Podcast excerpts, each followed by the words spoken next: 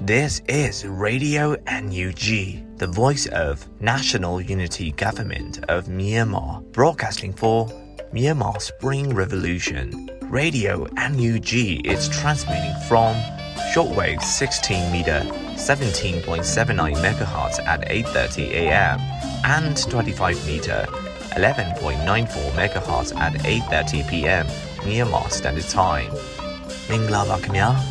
အမျိုးသားညီညွတ်ရေးအစိုးရရဲ့အတန်လွင့်ဌာန Radio NUG ကိုမနက်ပိုင်း၈နာရီခွဲမှာလိုင်းတို16မီတာစက္ကန့်တက်သမ9 MHz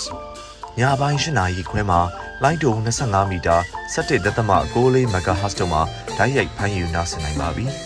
မင်္ဂလာအပေါင်းနဲ့ပြည့်စုံကြပါစေအခုချိန်ကစပြီး Radio NUG အစီအစဉ်တွေကိုဓာတ်ရိုက်အတန်မြင့်ပေးနေပါ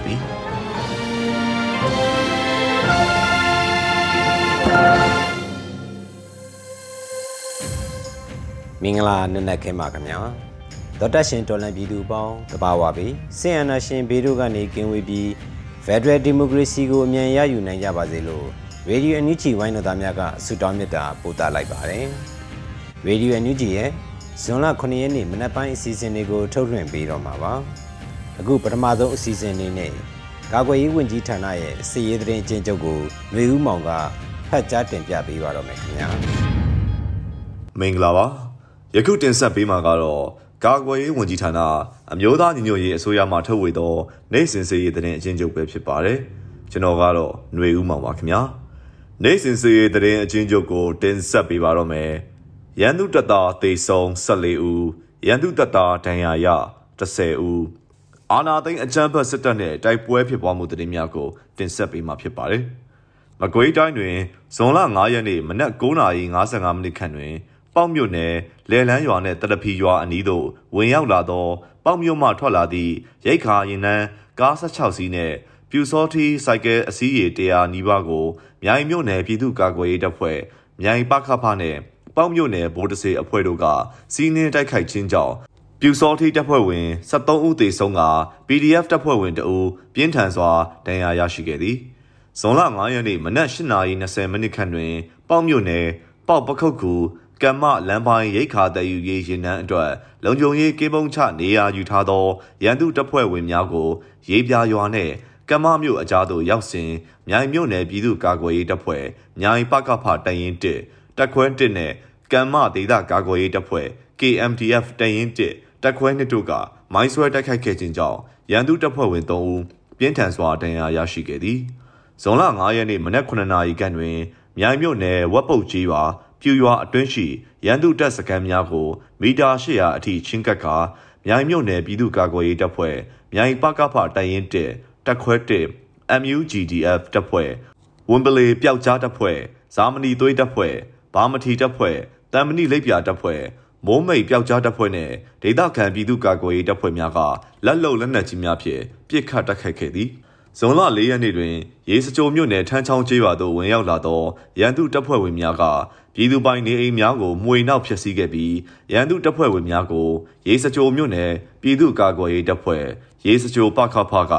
အီနာကဘုံသီးလေးလုံးချကတိုက်ခိုက်ခဲ့ခြင်းကြောင့်ရန်သူတပ်ဖွဲ့ဝင်9ဦးထိခိုက်ဒဏ်ရာရရှိခဲ့သည်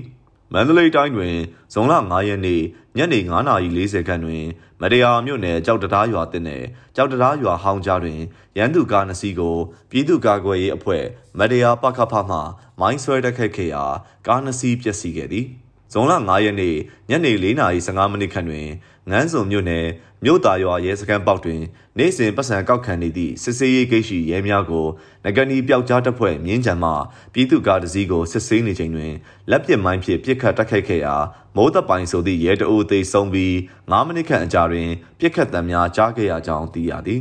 ဇွန်လ9ရက်နေ့မနက်အစောပိုင်းတွင်မတရားမြို့နယ်ကြောက်တရားရွာအရှိဘက်ရှိလက်ဝဲကြီးရွာနှင့်လမိုင်းရွာမှရန်သူအင်အား80ကျော်ငါးလုံးပြွန်ရွာသို့ရောက်ရှိနေချိန်တွင်မြေပြင်တော်လှန်ရေးအဖွဲ့များမှ ဒရုန်း60မမစသည်များဖြင့်တွားရောက်တိုက်ခိုက်ခဲ့ကြောင်းသိရသည်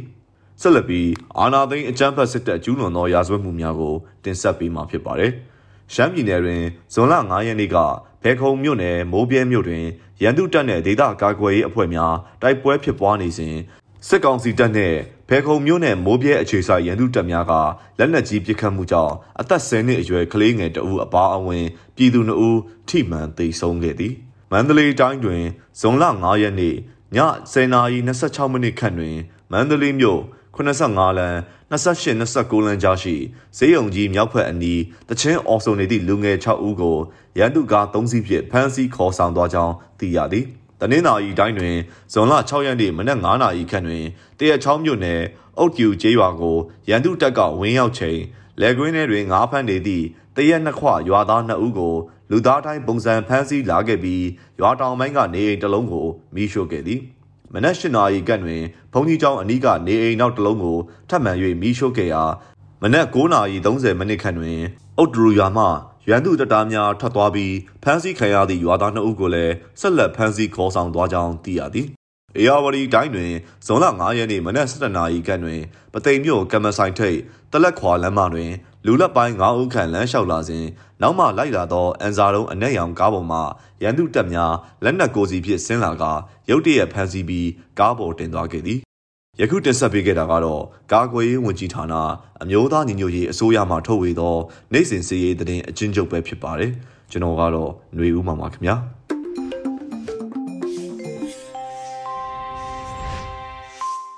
ဘေးရန်ရယ်ဆိုတာဟာတဘာဝဘေးတာမကလူကြောင့်ဖြစ်တဲ့ဘေးနဲ့ပြိပက္ခတွေကြောင့်ဖြစ်တဲ့ဘေးတွေလည်းပါဝင်ပါတယ်ပြည်သူတွေဟာတည်တည်တိထိုက်တဲ့အချက်တွေကိုသိရှိနားလည်ထားရမှာဖြစ်ပြီးပြင်ဆင်ရမယ့်အရာတွေကိုကြိုတင်ပြင်ဆင်ဆောင်ရွက်ထားဖို့လည်းလိုအပ်ပါတယ်ပြည်သူတွေပါဝင်နိုင်မဲ့လုပ်ငန်းစဉ်တွေကိုလည်းသဘောပေါက်နားလည်ထားကြဖို့အရေးကြီးပါတယ်။အမျိုးသားညီညွတ်ရေးအစိုးရလူသားချင်းစာနာထောက်ထားရေးနဲ့ဘေးရန်နေဆိုင်ရာစီမံခန့်ခွဲရေးဝန်ကြီးဌာနကပြည်ပခများအတွင်ပြည်သူများဘေးရန်နေအတွက်ကြိုတင်ပြင်ဆင်ရန်အချက်တွေကိုအပိုင်းလိုက်အသိပေးထုတ်ပြန်ထားပါတယ်။ ပြည်ပခများအတွင်ပြည်သူများဘေးရန်နေအတွက်ကြိုတင်ပြင်ဆင်နိုင်ရန်အပိုင်းလေးလက်နက်ကြီးဖြင့်ပြစ်ခတ်ခံရနိုင်သည့်ဒေသများရှိအရက်သားပြည်သူများအတွက်သတိပြုရန်အချက်များလက်နက်ကြီးပြစ်ခတ်နိုင်တဲ့ဒေသတွေမှာနေထိုင်သူတွေအနေနဲ့နေအိမ်မှာကရုတ်ချင်းဘုံခိုချင်းတူးချင်းဒါမှမဟုတ်တဲ့အိတ်တွေနဲ့ဘုံခိုလုံရန်နေရာတွေဖန်တီးခြင်းတွေကိုပြုလုပ်ထားရန်အမိုးပြုလုပ်ဖို့လိုအပ်ပါကတက်ကယ်မိုးကစတာတွေနဲ့အုံမိုးရန် ကရုတ်ချင်းနဲ့ဘုံခိုရန်နေရာပြုလုပ်ရန်မလွယ်ကူပါကနေအိမ်တွေအတွင်းပိုင်းအကြဆုံးနဲ့အလုံးကျုံဆုံးအခန်းတစ်ခုကိုတတ်မှတ်ပြီးပုံအောင်ခိုလုံရန်မှန်ကားထားသည့်အခန်းအပြင်ဘက်နဲ့ထိစပ်နေတဲ့အခန်းမျိုးကိုအသုံးမပြုရန်ဖြစ်နိုင်ပါကအဆိုပါအခန်းမှာစံအိတ်တွေတဲအိတ်တွေဒါမှမဟုတ်ဘီလက်မြေအိတ်တွေကိုအသုံးပြုပြီးပုံအောင်စရာနေရာဖန်တီးထားရန်မိမိနေအိမ်အနီးမှာလက်နက်ကြီးပစ်ခတ်တံကျဲလောင်စွာကြားရပါကအကြီးရွယ်အိုတွေမိနေတဲ့တွေနဲ့ ကလေးတငယ်တွေအလွန်မင်းထိတ်လန့်နိုင်တဲ့အတွက်နားရင်ပိတ်ဆို့စရာ ear black ဂွန်စာပတ်တီးလိတ်စတာတွေကိုသုံးပြီးနားရင်ပိတ်ဆို့ထားပေးရန်ပြင်းထန်တဲ့ပောက်ကွဲတံကြောင့်နှစီကွဲနိုင်တဲ့အတွက်နားကိုပိတ်ပြီးပါဇက်ကိုဟထားရန်မိမိနဲ့နီးကပ်တဲ့အကွာအဝေးကလေရင်တံကိုကြားခဲ့ပါကအပြင်ဘက်ကိုလုံးဝထွက်မကြည့်ပဲပုံအောင်နေတဲ့နေရာမှာပဲဆက်လက်နေထိုင်ရန်လေကြောင်းတိုက်ခိုက်မှုတွေရှိနိုင်တာကိုကြိုတင်စဉ်းစားပြီးအကာအကွယ်တွေရရှိစေဖို့ပြင်ဆင်ဆောင်ရွက်ရန်မိမိနေအိမ်ဟာအဝင်အထွက်လမ်းမချုံမှာတည်ရှိပါက လုံခြုံရေးကိုပုံမှုဂရုစိုက်ပြင်ဆင်ရန်အသုံးပြုပြီးမပေါက်ကွဲသေးတဲ့ဆက်လက်နက်ခဲယမ်းပစ္စည်းတွေလက်ပစ်ပုံမော်တာနဲ့ထုံးကြီးတွေတွေ့ရှိပါကအလွန်အန္တရာယ်ကြီးမားတဲ့အတွက်ကင်တွယ်ခြင်းထိခြင်းခြေထောက်နဲ့ကန်ခြင်းနေရာရွှေ့ပြောင်းခြင်းမိရှို့ခြင်းတို့ကိုလုံးဝမပြုလုပ်ရန်၎င်းတို့ဟာပောက်ကွဲလူလူဖြစ်နေတတ်ပြီးအตาအရာတို့ထိမိုံနဲ့ပောက်ကွဲနိုင်ပါတယ်။တော်တက်ရှင်များခင်ဗျာ ခုဆက်လက်ပြီး Radio NUG ရဲ့ပြည်တွင်းသတင်းများကို Airy မှဖတ်ကြားတင်ဆက်ပေးပါရမယ်ခင်ဗျာမင်္ဂလာမနက်ခင်းပါရှင်2023ခုနှစ်ဇွန်လ9ရက်နေ့ Radio NUG မနက်ခင်းပြည်တွင်းသတင်းတွေကိုစတင်တင်ပြပေးမှာဖြစ်ပါတယ်ကျွန်မကတော့ Airy ပါရှင်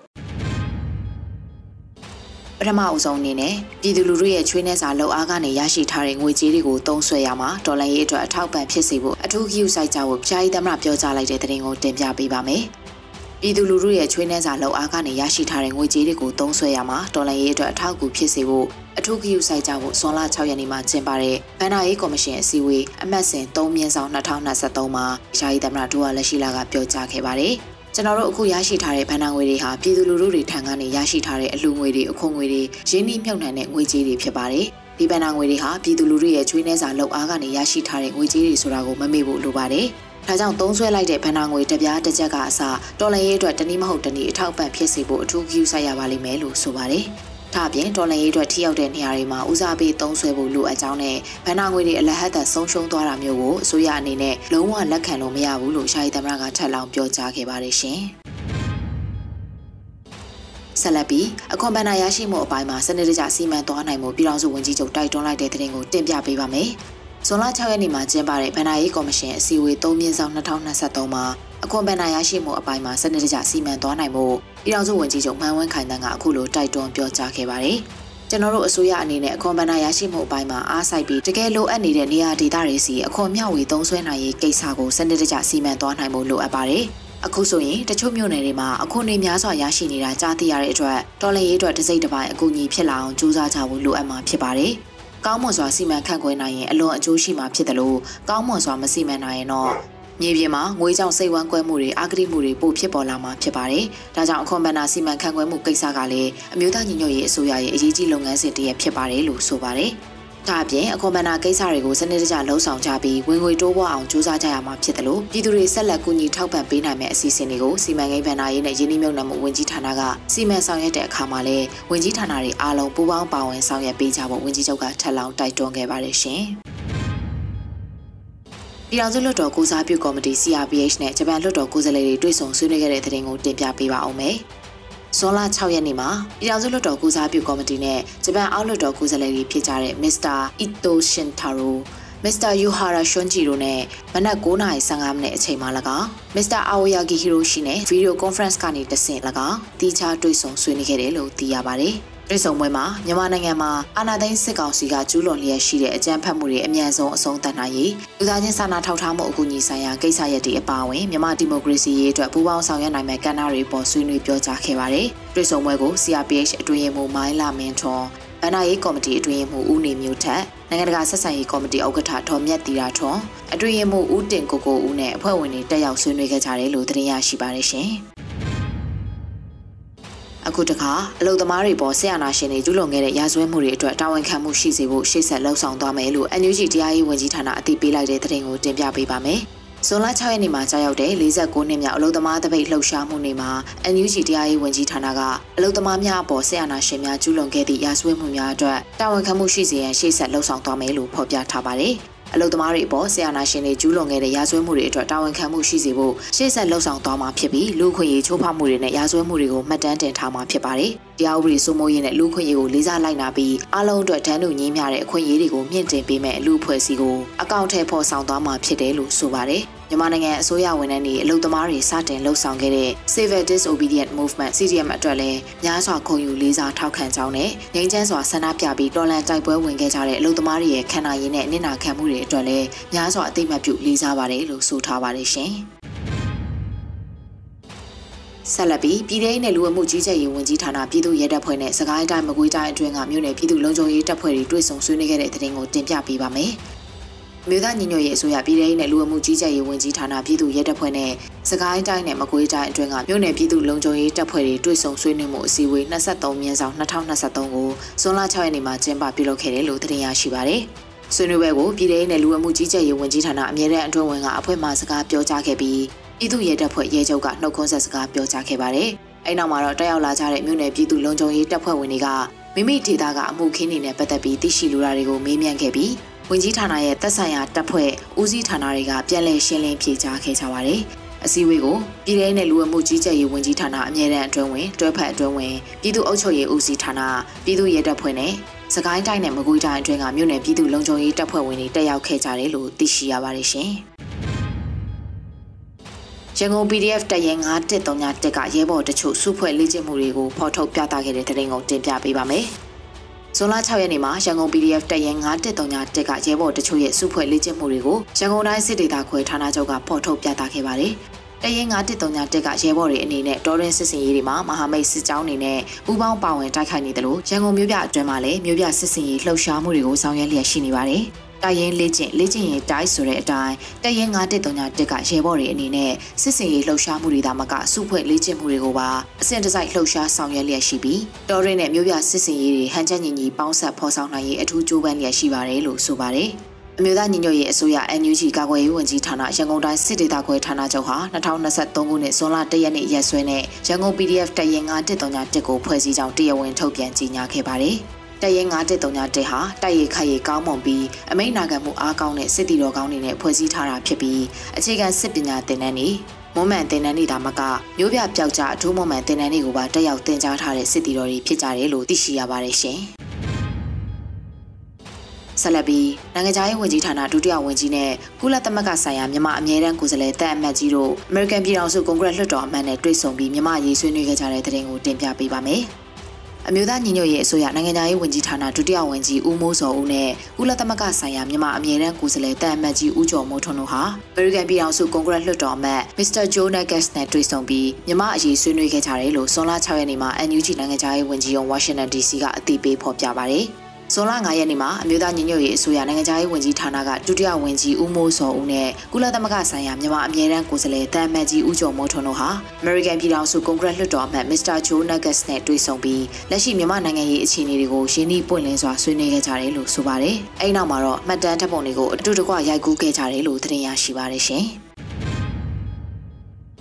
ဆိုင်ကလုန်းမိုခါတန်ခံရတဲ့ဒေသခံပြည်သူလူထုကိုကူညီဖို့နော်ဝေးနိုင်ငံကခရိုနာတန်20နဲ့ကနေဒါနိုင်ငံကဒေါ်လာ4သန်းထောက်ပံ့သွားမယ့်တဲ့တင်ကိုဆက်လက်တင်ပြပေးပါမယ်။ဆိုင်ကလုန်းမိုခါတန်ခံရတဲ့ဒေသခံပြည်သူလူထုကိုကူညီပေးနိုင်ဖို့နော်ဝေးနိုင်ငံကခရိုနာတန်20နဲ့ကနေဒါနိုင်ငံကဒေါ်လာ4သန်းထောက်ပံ့သွားမယ်လို့ဇွန်လ6ရက်နေ့မှာနော်ဝေးတန်ယုံရှန်ကုန်နဲ့ကနေဒါတန်ယုံရှန်ကုန်ကအတည်ပြုပြောဆိုပါတယ်။ မေလ14ရက်နေ့ကတိုက်ခိုက်ခဲ့တဲ့စိုက်ကလုန်းမုန်တိုင်းမိုခါတန်ခံရတဲ့ဒေသခံပြည်သူလူထုကိုကူညီဖို့မြန်မာနိုင်ငံရှိကုလသမဂ္ဂအဖွဲ့အစည်းနဲ့မိမိတို့ရဲ့ယုံကြည်စိတ်ချရတဲ့မိဖက်အဖွဲ့အစည်းတွေကိုနော်ဝေးနိုင်ငံကခရိုနာတန်20နဲ့ကနေဒါနိုင်ငံကဒေါ်လာ4သန်းထောက်ပံ့သွားမှာဖြစ်ပါတယ်။ဂျင်းအထောက်ပံ့နဲ့အစောတလင်ဆောင်ရွက်ပေးရမယ့်လူသားချင်းစာနာထောက်ထားမှုဆိုင်ရာလိုအပ်ချက်တွေဖြစ်တဲ့အမိုးကရေသက်မိလာနဲ့အရေးပေါ်ကယ်ဆယ်ရေးပစ္စည်းတွေကိုထောက်ပံ့ပေးသွားမှာဖြစ်ပါတယ်လို့ဆိုပါတယ်။ နော်ဝေးနိုင်ငံအနေနဲ့မြန်မာနိုင်ငံတဝန်းကလူသားချင်းစာနာထောက်ထားမှုဆိုင်ရာလိုအပ်ချက်တွေကိုဖြည့်ဆည်းပေးဖို့2023ခုနှစ်အတွက်ခရိုနာတန်130ကျော်ကိုပံ့ပိုးပြီးဖြစ်တယ်လို့ဆိုပါတယ်။မူခမုံတိုင်းကြောင့်ရခိုင်ပြည်နယ်နဲ့မြန်မာနိုင်ငံအနောက်မြောက်ပိုင်းမုံတိုင်းဖြတ်ကျော်သွားတဲ့လမ်းကြောင်းမှာနေထိုင်သူလူဦးရေ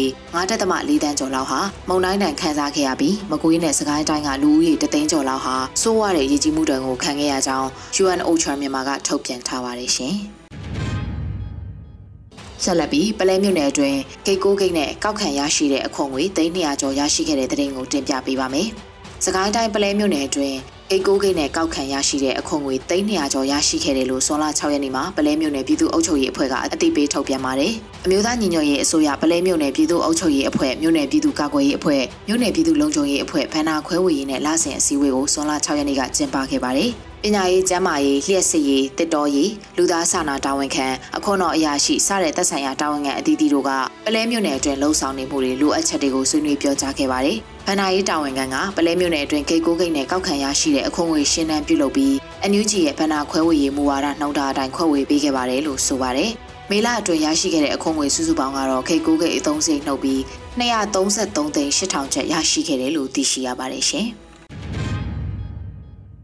2023ခုနှစ်မေလ24ရက်နေ့အထိတော်လှန်ရေးကာလအတွင်းစစ်ကောင်စီရဲ့အကြမ်းဖက်မှုကြောင့်ကြာဆုံးသွားတဲ့အမျိုးသမီး600ကျော်ရှိခဲ့တဲ့တဲ့ရင်ကိုတင်ပြပေးပါမယ်။2023ခုနှစ်မေလ24ရက်နေ့အထိဒေါ်လာရေးကာလအတွင်းစစ်ကောင်စီရဲ့အကြမ်းဖက်မှုကြောင့်ကြာဆုံးသွားတဲ့အမျိုးသမီးဦးရေ686ဦးအထိရှိခဲ့ပြီးအများစုကတော့စကိုင်းမကွေးနဲ့မန္တလေးတိုင်းဒေသကြီးတို့ကဖြစ်တယ်လို့စွန်လာ6ရက်နေ့မှာအမျိုးသမီးလူငယ်နဲ့ကလေးသက်ငယ်ရေးရာဝန်ကြီးဌာနကဖော်ပြပါတယ်။အဆိုပါဖော်ပြချက်အရတေဆုံးသူလူဦးရေ4138ဦးမှာ အမျိုးသမီး686ဦးပါဝင်ခဲ့ပြီးစကိုင်းတိုင်းမှာ328ဦးမကွေးတိုင်းမှာ62ဦးမန္တလေးတိုင်းမှာ40ဦးနဲ့ပဲခူးတိုင်းမှာ36ဦးရန်ကုန်တိုင်းမှာ30ဦးတို့ပါဝင်ပါတယ်။တေဆုံးတဲ့ခုနှစ်မှာ2021ခုနှစ်မှာအမျိုးသမီး106ဦး2022ခုနှစ်မှာအမျိုးသမီး314ဦး2023ခုနှစ်မေလအထိ256ဦးဖြစ်တယ်လို့သိရှိရပါတယ်ရှင်။ အခုနောက်ဆုံးအနေနဲ့ Spring ရန်ကုန်နဲ့ Spring Monthly Investment တွေကနေဒေါ်လာ46တန်းကျော်ကိုရောင်းချပေးခဲ့ရပြီးကြန့်ရှိနေတဲ့မြေကွက်တွေကိုဆက်လက်ဝယ်ယူခွန်အားဖြစ်နိုင်မှု EOD ကအသိပေးကြေညာတဲ့သတင်းကိုတင်ပြပေးပါမယ်။ Spring ရန်ကုန်နဲ့ Spring Monthly Investment တွေကမြေကွက်တွေကိုဆက်လက်ဝယ်ယူခွန်အားဖြစ်နိုင်ရေးနဲ့ပတ်သက်ပြီးဇွန်လ6ရက်နေ့မှာ EOD ကအခုလိုအသိပေးကြေညာခဲ့ပါတယ်။ လူဦးတော်လိုင်းရေးကိုအကျွေးမဲ့ယုံကြည်တယ်တော်လိုင်းရေးမှာတတ်နိုင်တဲ့ခွန်အားကိုအစွမ်းကုန်အုံပါဝင်ခြင်းနဲ့တော်လိုင်းရေးအပြီးမှာလည်းကြံနေသေးတဲ့နောင်ရည်နဲ့မျိုးဆက်သစ်လေးတွေအတွက်အကောင်းဆုံးအမွေနှစ်ပေးခဲ့ခြင်းသေးတယ်ဆိုရင်တော့ Spring Investment ရဲ့လက်ကျန်မြေခွက်ဒီမှာရင်းနှီးမြှုပ်နှံကြဖို့တိုက်တွန်းလိုက်ပါ Spring ရန်ကုန်နဲ့ Spring Mandalay Investment တွေကနေဒေါ်လာ46.46တန်းခန့်ရောင်းချပေးခဲ့ရပြီးတော်လိုင်းရေးရဲ့အရွေးတစ်ခုကိုကောင်းမွန်စွာဖန်တီးနိုင်ခဲ့ပါတယ်ကြန့်ရှိနေတဲ့မြေခွက်တွေကိုဆက်လက်ဝယ်ယူခွန်အားဖြည့်နိုင်မှုတင်ပြလိုက်ပါတယ်လို့ဆိုထားပါတယ် ကြန့်ရှိနေတဲ့မြေခွက်တွေကတော့ຫນွေဦးအောင်လန်တောင်တကုံမြေခွက်တွေຫນွေဦးရောင်စင်မန္တလေးရှိတကုံတောင်မြေခွက်တွေနဲ့ຫນွေဦးတောင်ရိပ်ညိုမန္တလေးတောင်ချေမြေခွက်တွေပါဝင်တယ်လို့သိရှိရပါတယ်ရှင်အခုတင်ပြခဲ့တဲ့သတင်းတွေကို Radio NUG သတင်းတောင်မင်းတီဟန်ကပေးပို့ထားတာဖြစ်ပါတယ်ရှင်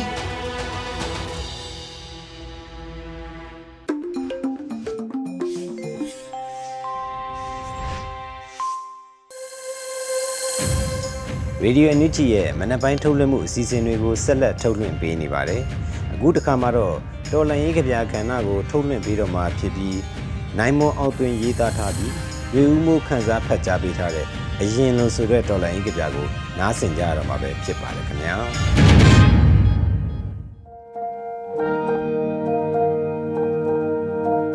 အရင်လုံးအရင်လုံးစပင်ရှည်ထားတယ် အရင်လုံးစိတ်ကတိတ်မရှိအရင်လုံးလက်ဖက်ရည်ဟာပုံမှန်ကြအရင်လုံးအလွမ်းတွေဟာနေသားမကြအရင်လုံးကောင်းပွိုင်ကားတွေကြည့်အရင်လုံးအချိန်တိုင်းကြည်အနေခဲ့တယ်အရင်လုံးတချင်းအကျန်းစားတွေဖွင့်အရင်လုံးအမှန်တရားဟာပိုလို့တောင်ကြမ်းတမ်းခတ်ထန်နေစေအရင်လုံးမိုးပြုံရင်လဲအများနဲ့ပဲတဲ့အရင်လုံးငါစိတ်တွေဟာကိုကိုရမယ်အရင်လုံး ထီးမပါဘာမပါကောက်ကငင်ခါထွက်ခဲ့တယ်အရင်လိုမိုးဟာကန်ဆိုးမသွားလျာတကောက်ကောက်ပဲနိုင်မွန်အောင်တွေ့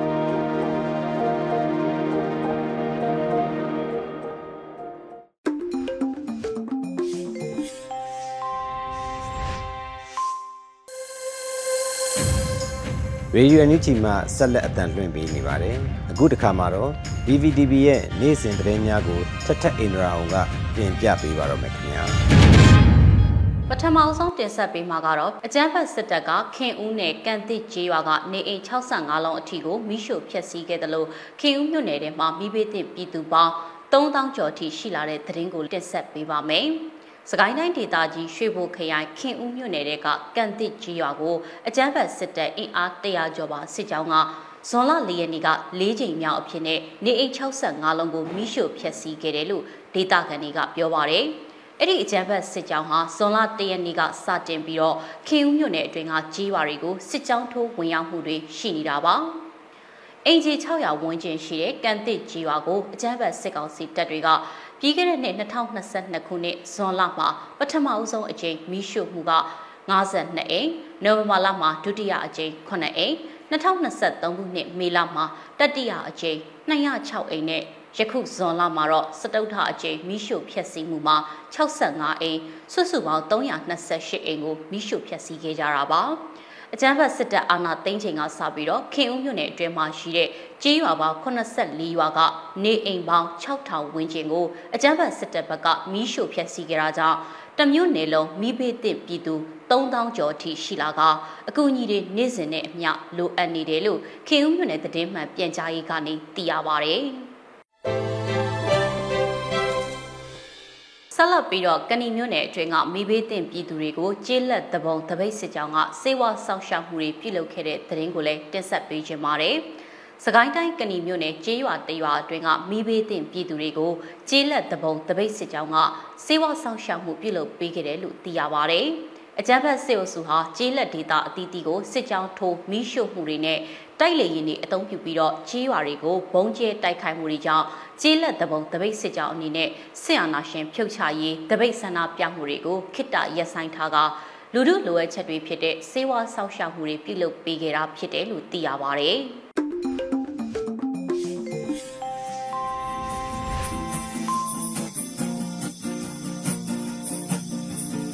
သောတရှင်တော်လန်ပြည်သူများခင်ဗျာအခုနောက်ဆုံးအနေနဲ့တေးတေးဆိုခင်ဝမ်းရဲ့ Solomon ငါတို့အပြန်ဆိုတဲ့တေးသချင်းကို TDF T3 မှရဲမေတူကကာဗာပြန်လဲတီးဆိုထားတာကိုနားဆင်ကြရတော့မှာပဲဖြစ်ပါတယ်ခင်ဗျာ